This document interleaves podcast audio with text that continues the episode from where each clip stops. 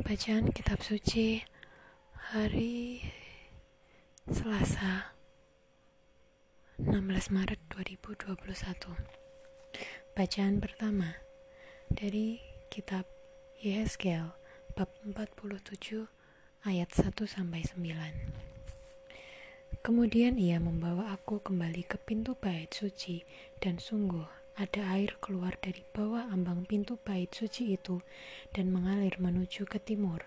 Sebab bait suci juga menghadap ke timur. Dan air itu mengalir dari bawah bagian samping kanan dari bait suci itu sebelah selatan mesbah. Lalu diiringnya aku keluar melalui pintu gerbang utara dan dibawanya aku berkeliling dari luar menuju pintu gerbang luar yang menghadap ke timur. Sungguh, air itu membual dari sebelah selatan. Sedang orang itu pergi ke arah timur dan memegang tali pengukur di tangannya. Ia mengukur seribu hasta dan menyuruh aku masuk dalam air itu, maka dalamnya sampai di pergelangan kaki. Ia mengukur seribu hasta lagi dan menyuruh aku masuk sekali lagi dalam air itu. Sekarang sudah sampai di lutut.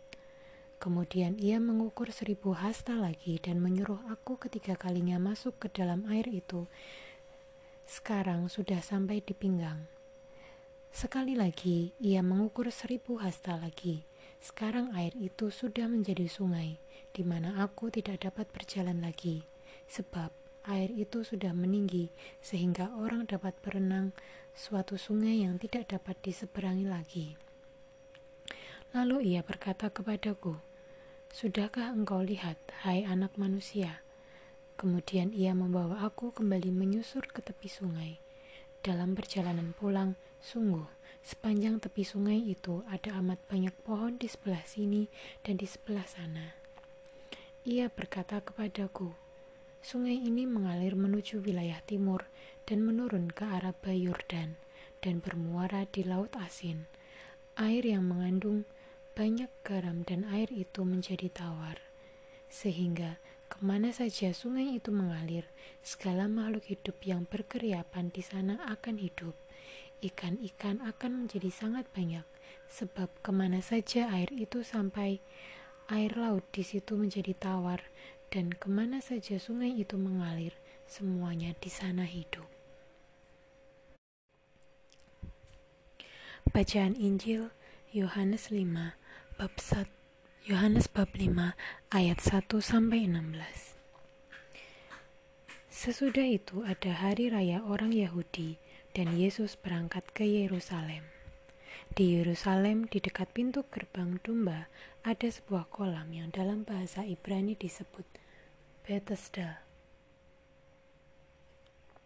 Ada lima serambinya, dan di serambi-serambi itu berbaring sejumlah besar orang sakit orang-orang buta, orang-orang timpang, dan orang-orang lumpuh yang menantikan goncangan air kolam itu.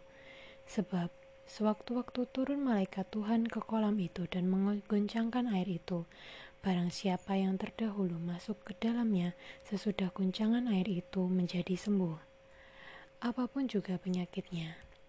Di situ ada seorang yang sudah 38 tahun lamanya sakit Ketika Yesus melihat orang itu berbaring di situ, dan karena ia tahu bahwa ia telah lama dalam keadaan itu, berkatalah ia kepadanya, "Maukah engkau sembuh?" Jawab orang sakit itu kepadanya, "Tuhan, tidak ada orang yang menurunkan aku ke dalam kolam itu apabila airnya mulai goncang, dan sementara aku menuju ke kolam itu, orang lain sudah turun mendahului aku." Kata Yesus kepadanya, "Bangunlah." Angkatlah tilammu dan berjalanlah. Dan pada saat itu juga sembuhlah orang itu, lalu ia mengangkat tilamnya dan berjalan. Tetapi hari itu hari sabat. Karena itu, orang-orang Yahudi berkata kepada orang yang baru sembuh itu, Hari ini hari sabat, dan tidak boleh engkau memikul tilammu. Akan tetapi ia menjawab mereka, Orang yang telah menyembuhkan aku, dia orang yang mengatakan kepadaku, angkatlah tilammu dan berjalanlah. Mereka bertanya kepadanya, siapakah orang itu yang berkata kepadamu, angkatlah tilammu dan berjalanlah. Tetapi orang yang baru sembuh itu tidak tahu siapa orang itu, sebab Yesus telah menghilang ke tengah-tengah orang banyak di tempat itu. Kemudian Yesus bertemu dengan dia dalam bait Allah, lalu berkata kepadanya, "Engkau telah sembuh, jangan berbuat dosa lagi, supaya padamu jangan terjadi yang lebih buruk." Orang itu keluar lalu menceritakan kepada orang-orang Yahudi bahwa Yesuslah yang telah menyembuhkan dia. Dan karena itu orang-orang Yahudi berusaha menganiaya Yesus karena ia melakukan hal-hal itu pada hari sabat. Bacaan harian hari Senin tanggal 29 Maret 2021 Bacaan pertama dari Yesaya bab 42 ayat 1 sampai 7 Lihat, itu hambaku yang kupegang orang pilihanku yang kepadanya aku berkenan. Aku telah menaruh rohku ke atasnya, supaya ia menyatakan hukum kepada bangsa-bangsa. Ia tidak akan berteriak atau menyaringkan suara, atau memperdengarkan suaranya di jalan. Buluh yang patah terkulai tidak akan diputuskannya, dan sumbu yang pudar nyalanya tidak akan dipadamkannya. Tetapi dengan setia ia akan menyatakan hukum. Ia sendiri tidak akan menjadi pudar dan tidak akan patah terkulai sampai ia menegakkan hukum di bumi.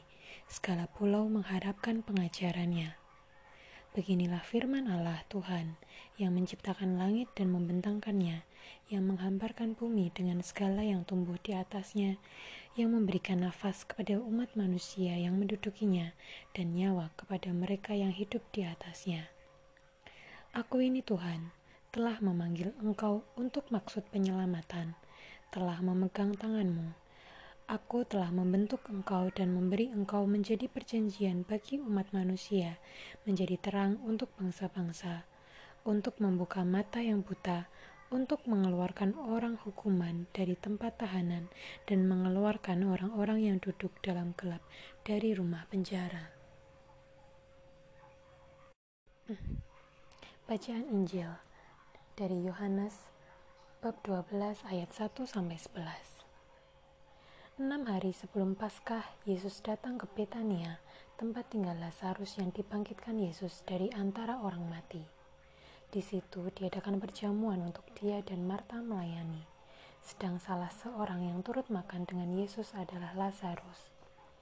Maka Maria mengambil setengah kati minyak narwastu murni yang mahal harganya, lalu meminyaki kaki Yesus. Dan bau minyak semerbak di seluruh rumah itu. Tetapi Yudas Iskariot, seorang dari murid-murid Yesus yang akan segera menyerahkan dia, berkata, Mengapa minyak narwastu ini tidak dijual 300 dinar dan uangnya diberikan kepada orang-orang miskin?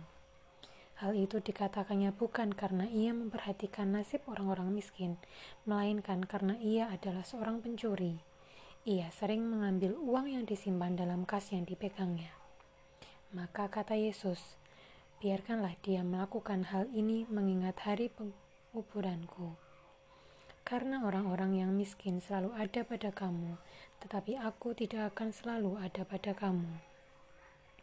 Sejumlah besar orang Yahudi mendengar bahwa Yesus ada di sana dan mereka datang bukan hanya karena Yesus, melainkan juga untuk melihat Lazarus yang telah dibangkitkannya dari antara orang mati. Lalu imam-imam kepala bermufakat untuk membunuh Lazarus juga, sebab karena dia banyak orang Yahudi meninggalkan mereka dan percaya kepada Yesus.